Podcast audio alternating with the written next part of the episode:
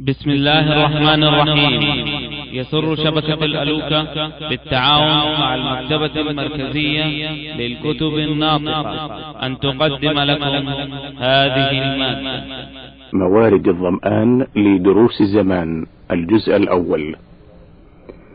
وفي حديثه فذكر صلى الله عليه وسلم ضلالة اليهود والنصارى على ما في أيديهم من كتاب الله.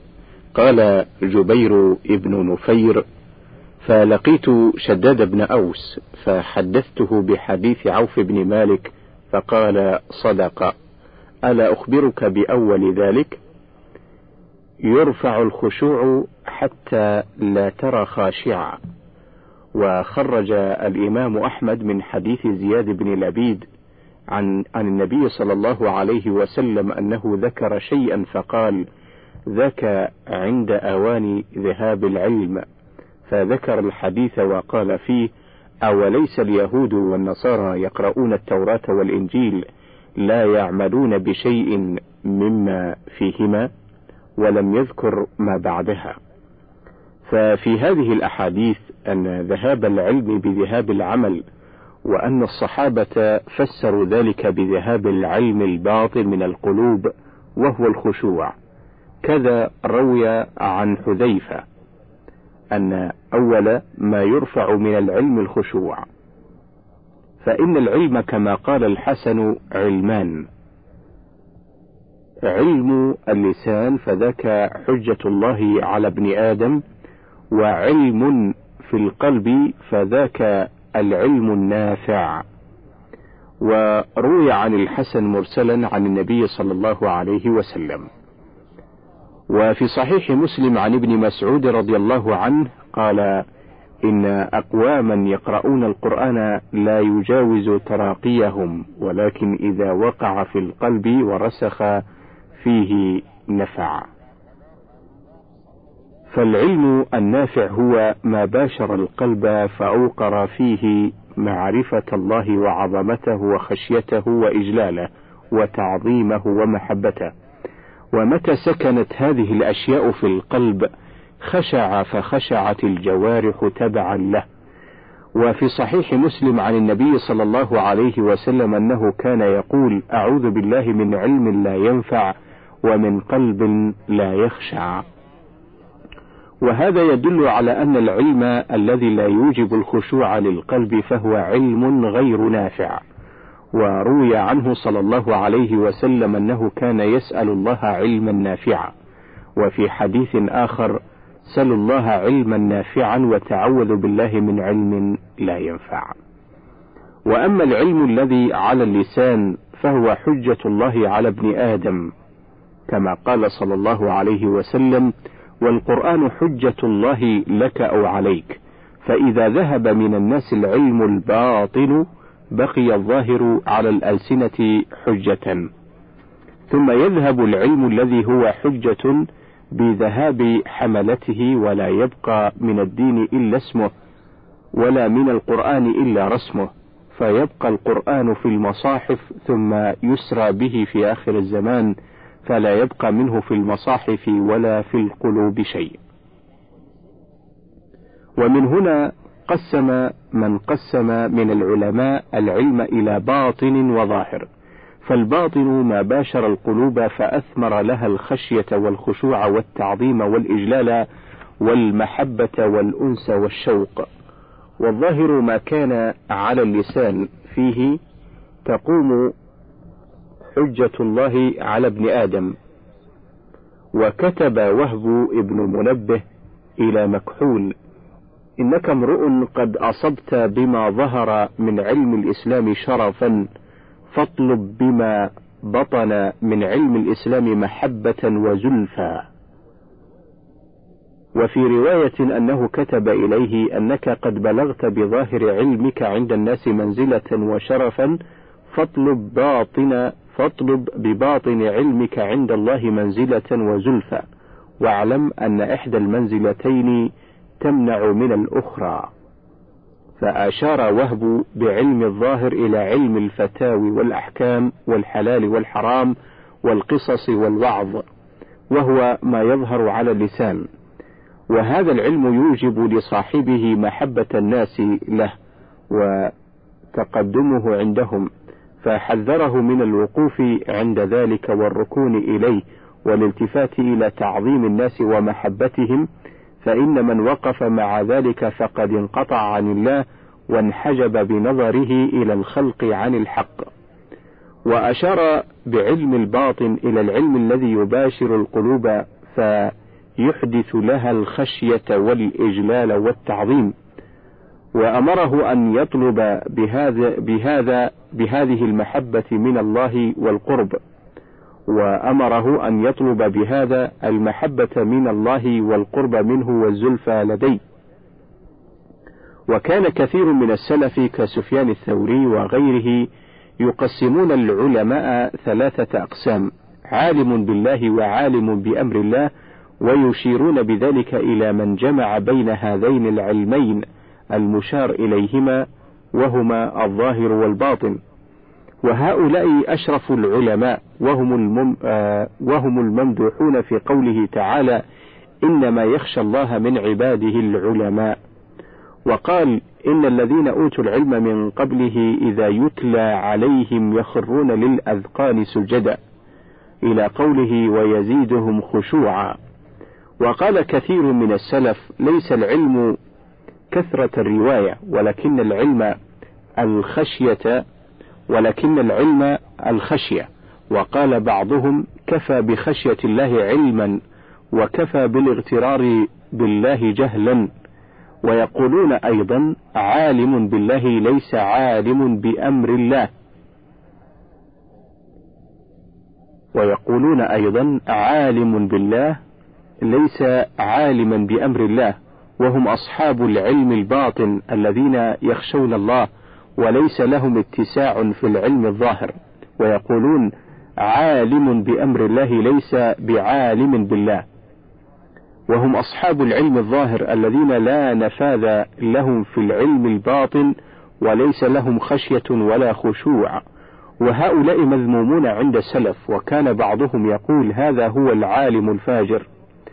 وهؤلاء الذين وقفوا مع ظاهر العلم ولم يصل العلم النافع إلى قلوبهم ولا شموا له رائحته غلبت عليهم الغفلة والقسوة والإعراض عن الآخرة والتنافس في الدنيا ومحبة الغلو ومحبة العلو فيها والتقدم بين أهلها.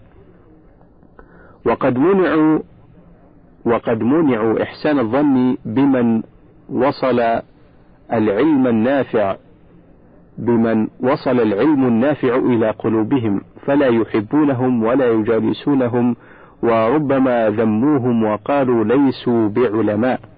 وهذا من خداع الشيطان وغروره ليحرمهم الوصول إلى العلم النافع الذي مدحه الله ورسوله وسلف الأمة وأئمتها. ولهذا كان علماء الدنيا يبغضون علماء الآخرة ويسعون في أذاهم جهدهم كما سعوا في أذى سعيد بن المسيب والحسن وسفيان الثوري ومالك وأحمد وغيرهم من العلماء الربانيين. وذلك لأن علماء الآخرة خلفاء الرسل وعلماء السوء فيهم وعلماء السوء فيهم شبه أو شبه من اليهود وهم أعداء الرسل وقتلة الأنبياء ومن يأمر بالقسط من الناس وهم أشد الناس عداوة وحسدا للمؤمنين. ولشدة محبتهم للدنيا لا يعظمون علما ولا دينا وإنما يعظمون المال والجاه والتقدم عند الملوك. إذا العلم لم تعمل به كان حجة عليك ولم تعذر بما أنت حامل فإذا فإن كنت قد أبصرت هذا فإنما يصدق قول المرء ما هو فاعل اللهم وفقنا لسلوك مناهج المتقين وخصنا بالتوفيق المبين واجعلنا بفضلك من عبادك المخلصين. واجعلنا بفضلك من عبادك المخلصين الذين لا خوف عليهم ولا هم يحزنون. واغفر لنا ولوالدينا ولجميع المسلمين برحمتك يا أرحم الراحمين. وصلى الله على محمد وآله وصحبه أجمعين. فوائد نافعة حول الإفتاء والاستفتاء. اعلم وفقنا الله وإياك وجميع المسلمين لما يحبه ويرضاه أن الفتية أمرها عظيم ولقد كان السلف رحمهم الله يأبون الفتيا ويشددون فيها ويتدافعون عكس ما عليه علماء هذا العصر.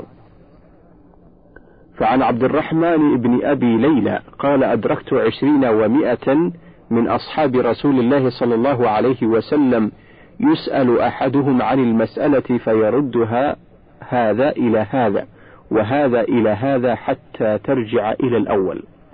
وفي رواية ما منهم من يحدث بحديث إلا ود أن أخاه كفاه إياه ولا يستفتى عن شيء إلا ود أن أخاه كفاه الفتيا.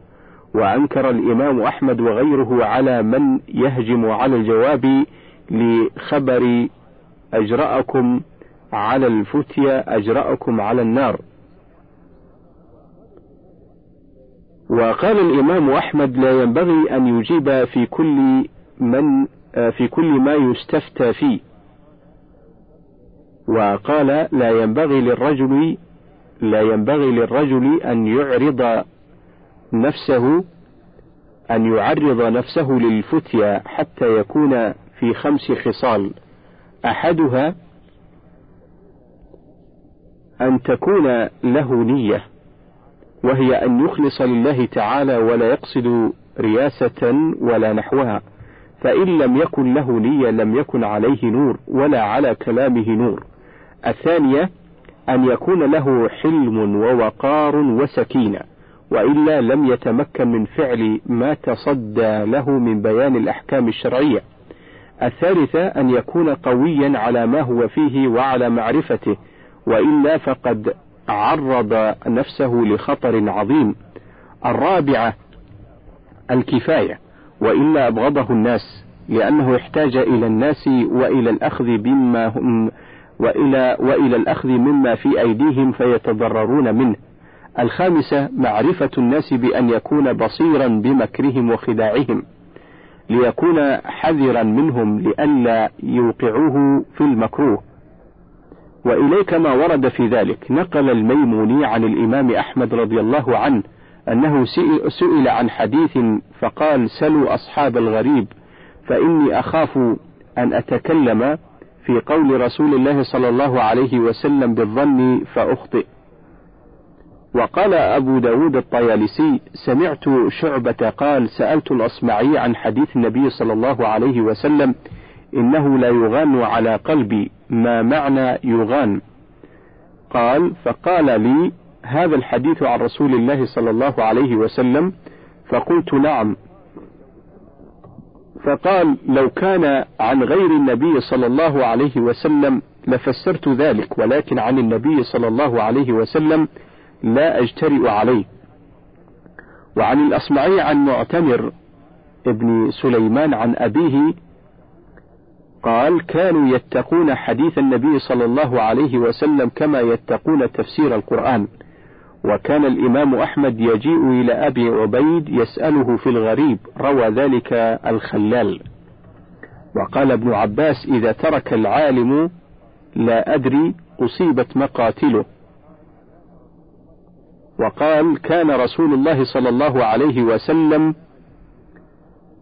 إمام المسلمين وسيد العالمين يسأل عن الشيء فلا يجيب حتى يأتيه الوحي من السماء.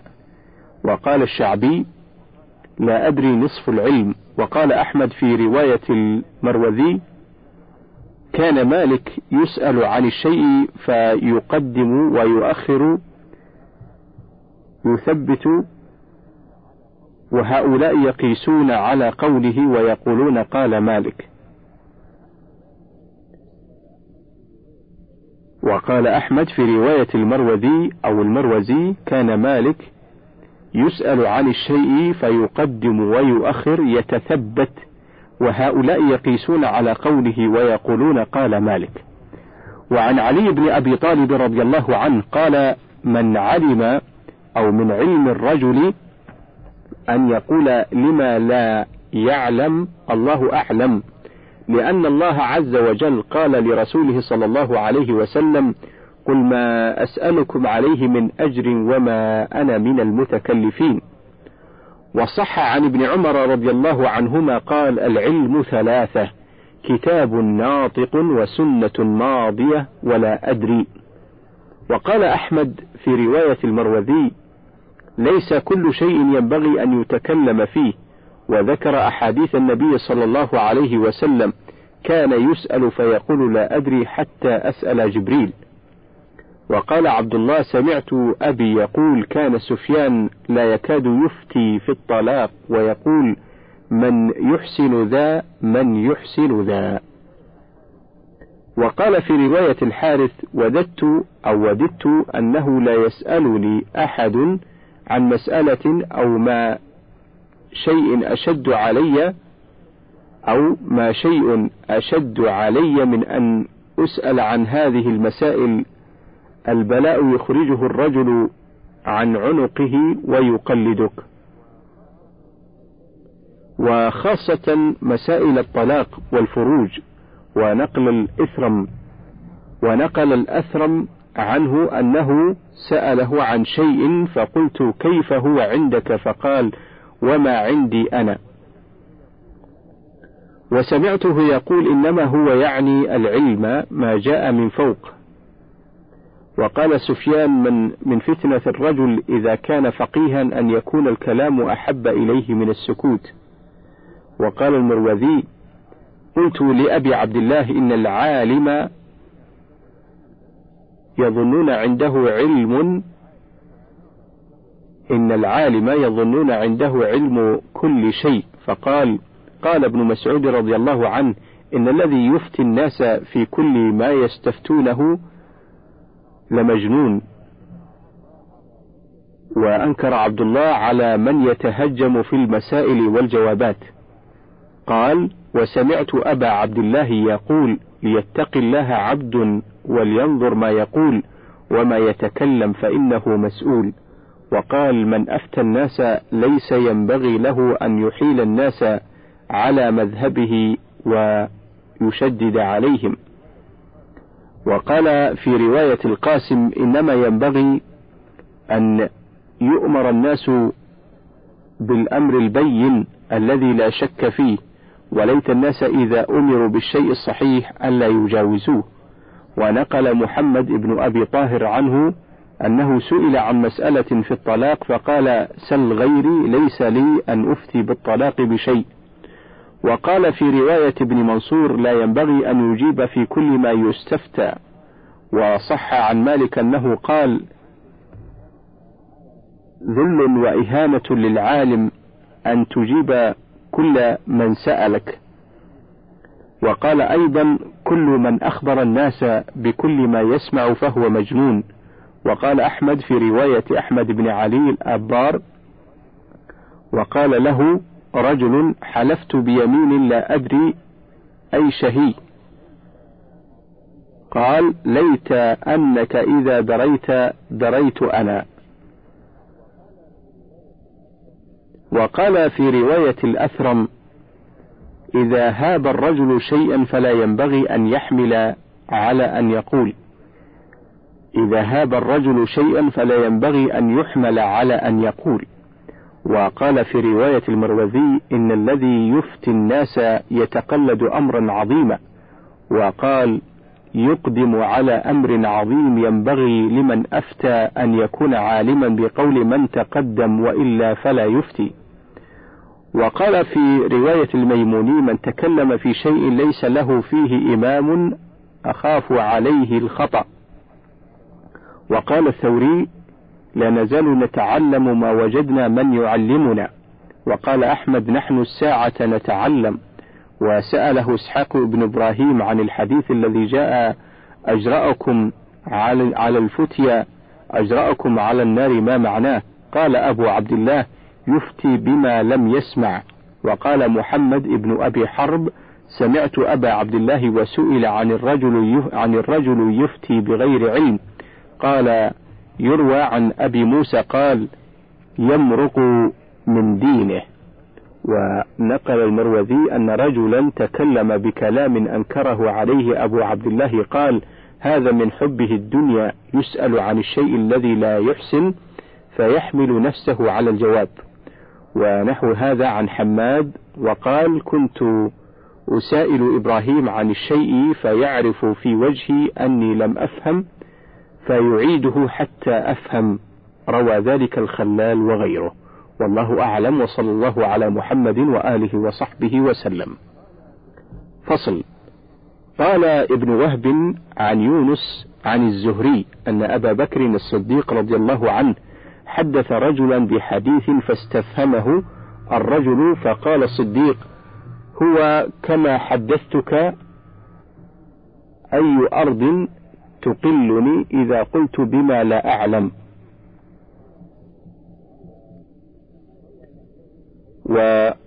وروى نحوه من غير وجه وروي نحوه من غير وجه عن أبي هريرة مرفوعا من أفتى بفتيا غير ثبت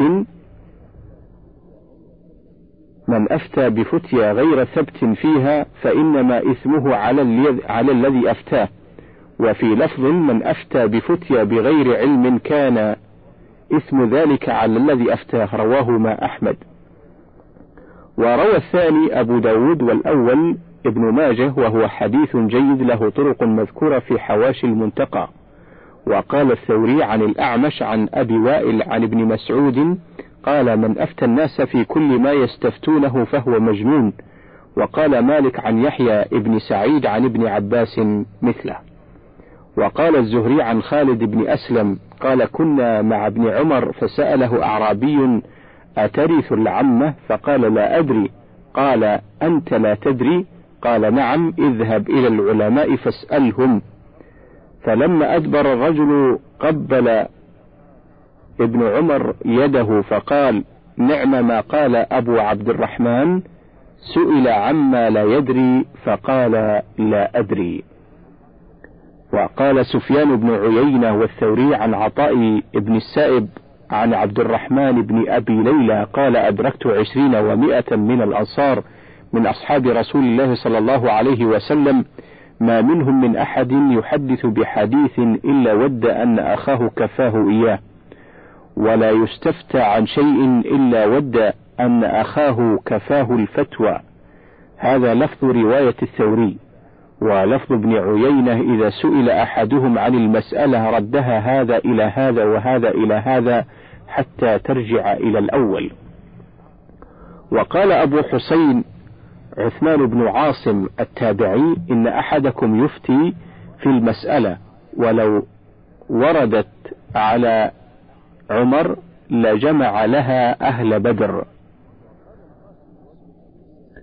وقال القاسم وابن سيرين لأن يموت الرجل جاهلا خير له من أن يقول ما لا يعلم.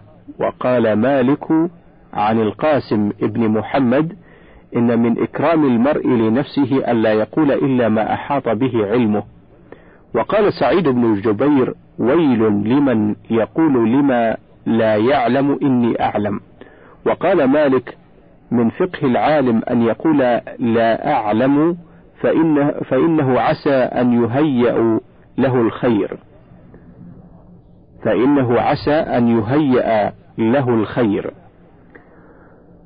وقال أحمد بن حنبل سمعت الشافعي رضي الله عنهما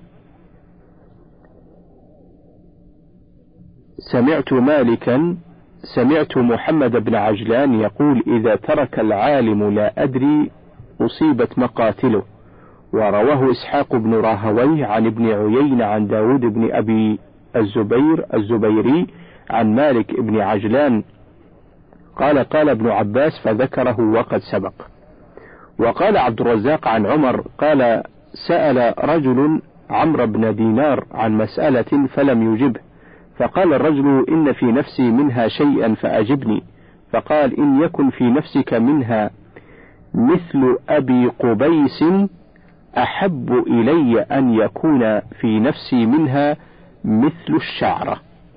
وقال ابن مهدي سأل رجل مالك بن أنس عن مسألة فطال ترداده إليه فيه ولح عليه فقال ما شاء الله يا هذا إني لم أتكلم إلا فيما أحتسب فيه الخير ولست أحسن مسألتك هذه.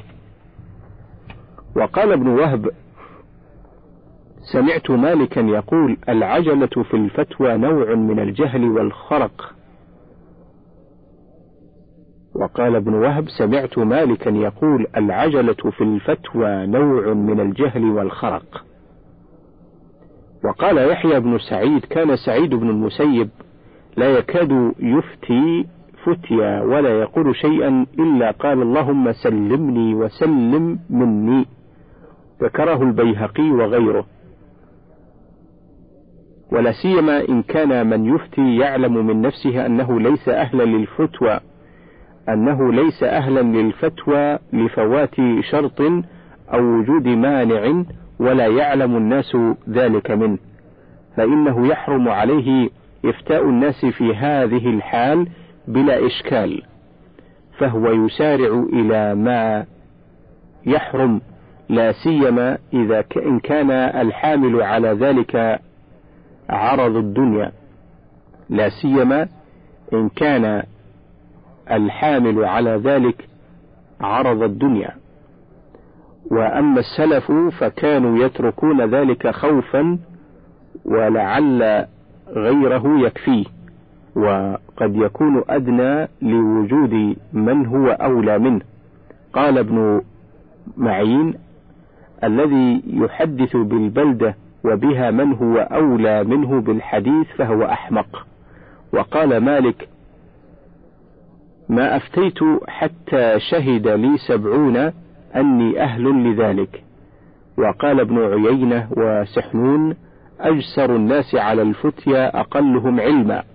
وقال سحنون أشقى الناس من باع آخرته بدنيا غيره. وقال فتنة الجواب بالصواب أشد من فتنة المال. وقال سفيان أدركت الفقهاء وهم يكرهون أن يجيبوا في المسائل والفتيا حتى لا يجدوا بدا من أن يفتوا. وقال أعلم الناس بالفتيا أسكتهم عنها وأجهلهم بها أنطقهم فيها. وبكى ربيعة فقيل ما يبكيك؟ فقال استفتي من لا علم له. وقال ولبعض من يفتي ها هنا أحق بالسجن من السراق. وقال بعض العلماء لبعض المفتين إذا سئلت عن مسألة فلا يكن همك تلخيص السائل. فلا يكن همك تخليص السائل ولكن ليكن همك تخليص نفسك. وقال عمرو بن دينار لما جلس قتادة للفتيا تدري في أي عمل وقعت؟ وقعت يا قتادة بين الله وبين خلقه وقلت هذا يصلح وهذا لا يصلح. وقال بعضهم إن العالم داخل بين الله وبين خلقه فلينظر كيف يدخل بينهم. وكان ابن سيرين إذا سئل عن الشيء من الحلال والحرام تغير لونه وتبدل حتى كأنه ليس بالذي كان. وكان النخعي يسأل ف أو يسأل فتظهر عليه الكراهة ويقول ما وجدت أحدا تسأله غيري. وقال آخر إذا سئلت عن مسألة فتفكر. وقال آخر إذا سألت إذا سئلت عن مسألة فتفكر. فإن وجدت لنفسك مخرجا فتكلم وإلا فاسكت. وعن مالك أنه كان إذا سئل عن المسألة كأنه واقف بين الجنة والنار. وقال النخعي قد تكلمت ولو وجدت بدا ما تكلمت وإن زمانا أكون فيه فقيه أهل الكوفة لزمان سوء. وقال ابن عيينة ليس هذا الأمر لمن ود أن الناس احتاجوا إليه إنما هذا الأمر لمن ود أنه وجد من يكفيه. وسئل عمر بن عبد العزيز عن مسألة فقال ما أنا على الفتيا بجري. فصل. ذكر العلماء ما روي عن أبي هريرة رضي الله عنه عن ابن عباس قال قال رسول الله صلى الله عليه وسلم من يرد الله به خيرا يفقهه في الدين. روي عن مجاهد أنه قال الفقيه من يخاف الله عز وجل وروي عن علي بن أبي طالب رضي الله عنه أنه قال ألا أخبركم بالفقيه من لم يقنط الناس من رحمة الله ولم يؤمنهم من مكر الله ولم يرخص لهم في معاصي الله ولم يدع القرآن رغبة إلى غيره وقال ابن مسعود كفى بخشية الله علما وكفى بالاغترار به جهلا وروي عن عمر أنه كتب إلى أبي موسى الأشعري إن الفقه ليس بكثرة السرد وسعة الهذر وكثرة الرواية وإنما الفقه خشية الله عز وجل.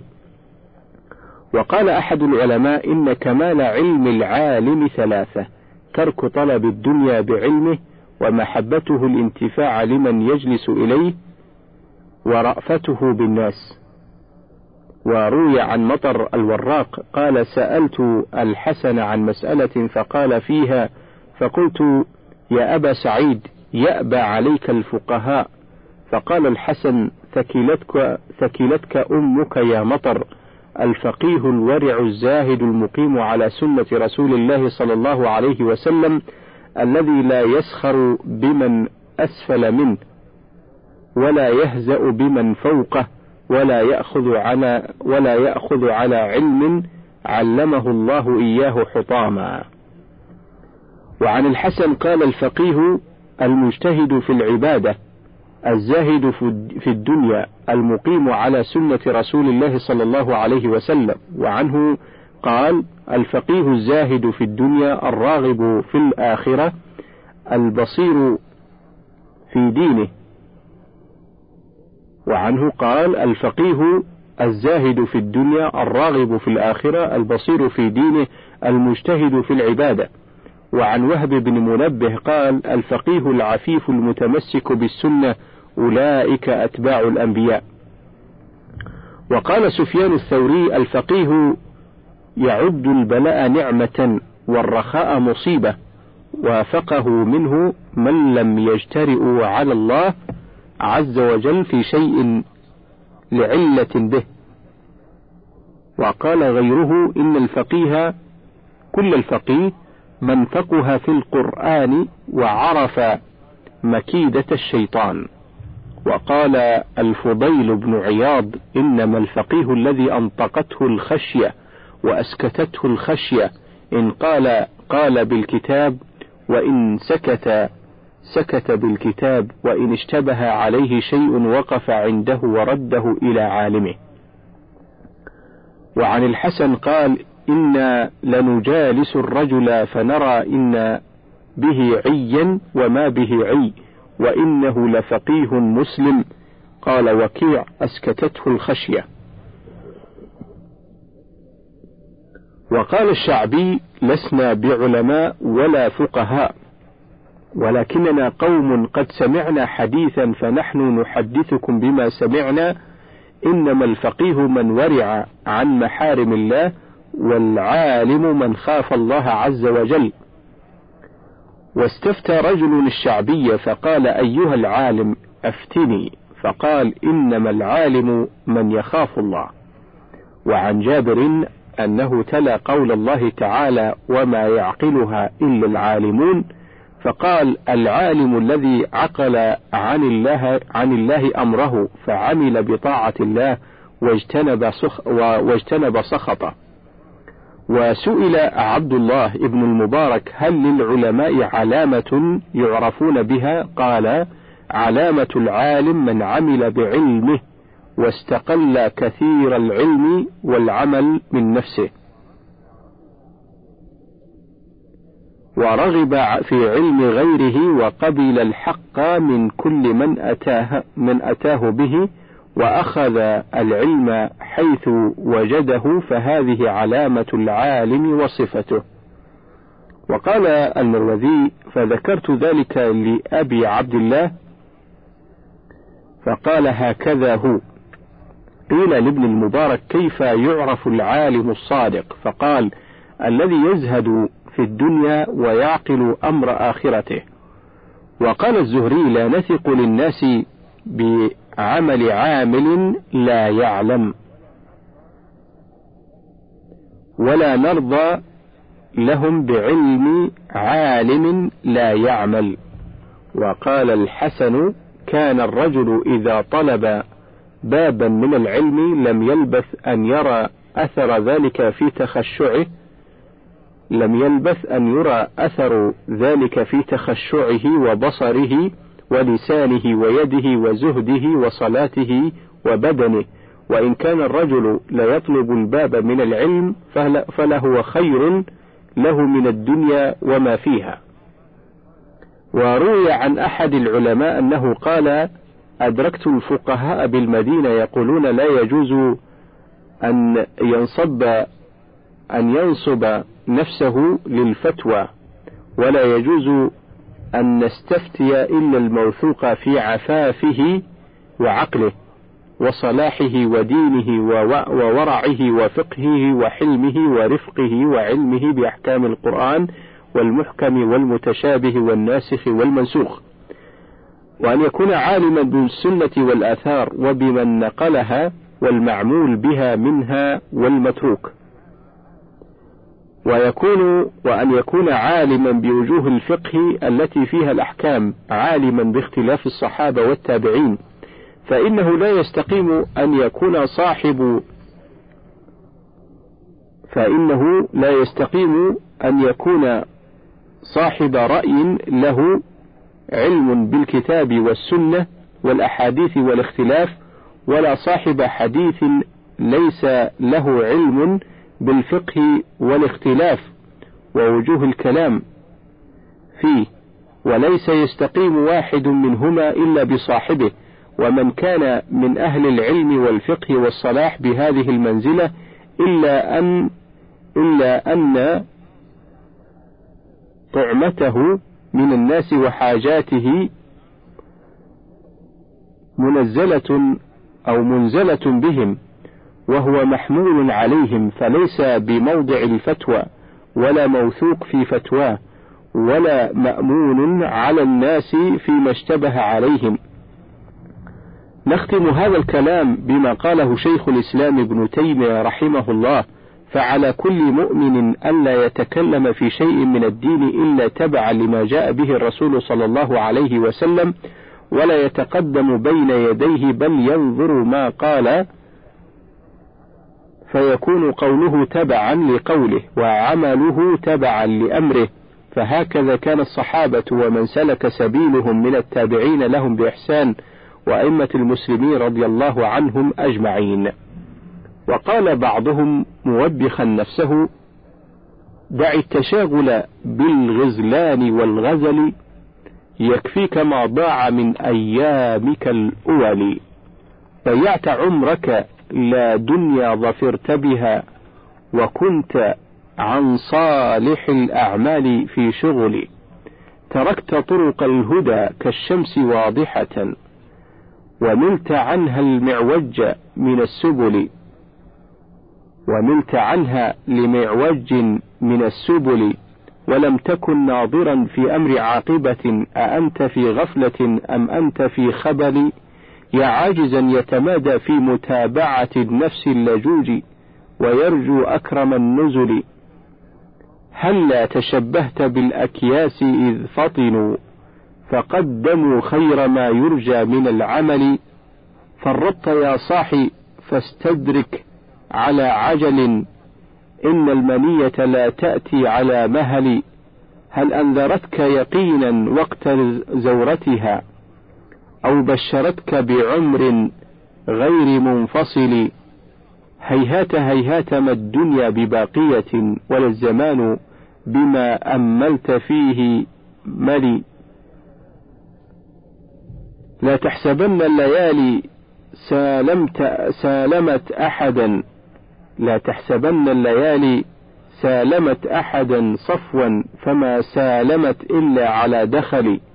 لا يغرنك ولا يغرنك ما أوليت ولا يغرنك ما أوليت من نعم فهل رأيت نعيما غير منتقل؟